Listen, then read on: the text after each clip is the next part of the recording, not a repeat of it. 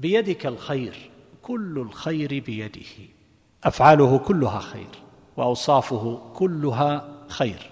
والشر ليس إليه مع أن الله تبارك وتعالى خالق الخير والشر. ولكن الشر في مفعولاته وليس في أفعاله. أفعاله كلها خير وحكمة. يعني مثلا نزول المطر خير. لكن قد يتلف بعض الزروع لبعض الناس وقد يغرق بعض الناس. وقد تتهدم دور بعض الناس وقد تتعطل مصالح بعض الناس وقد يفسد ذلك معايش بعض الناس وتجارة بعض الناس ونحو هذا. فهو بالنسبة إليهم شر. لكن عموم نزول المطر لا شك أنه خير. فتقدير الله عز وجل وفعله خير. ولهذا كان من الأدب الا يضاف ذلك إليه كما ذكرنا في أمثلة. وإذا مرضت فأضاف المرض إلى نفسه.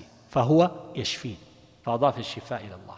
وذكرنا في سورة الكهف أيضا قوله أما السفينة فكانت لمساكين يعملون في البحر فأردت أن أعيبها.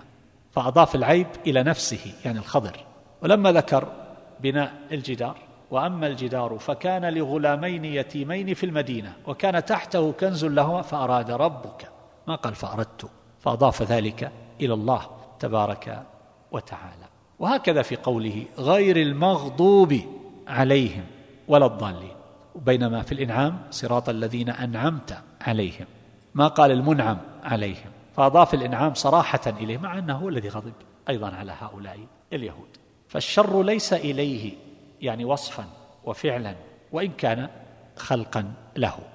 في قوله تبارك وتعالى بيدك الخير إذا كان الخير كله بيد الله تبارك وتعالى فأل للاستغراق فمن أراد الخير وكل أحد يريد الخير فعليه أن يتوجه إلى من يملك الخير والنفع والضر.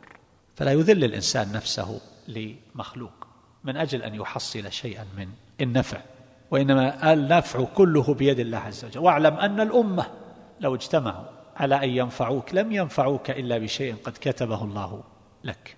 ولو اجتمعوا على أن يضروك لم يضروك إلا بشيء قد كتبه الله عليك. فالنفع عنده ولا يستطيع أحد أن يحجزه عنك.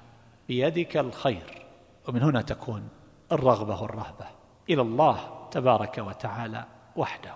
فمن رام التوفيق فهو عند الله من رام الفلاح فهو عند الله من رام الولد الذرية المال الشفاء كل ذلك عند الله. جل جلاله وتقدست أسماؤه.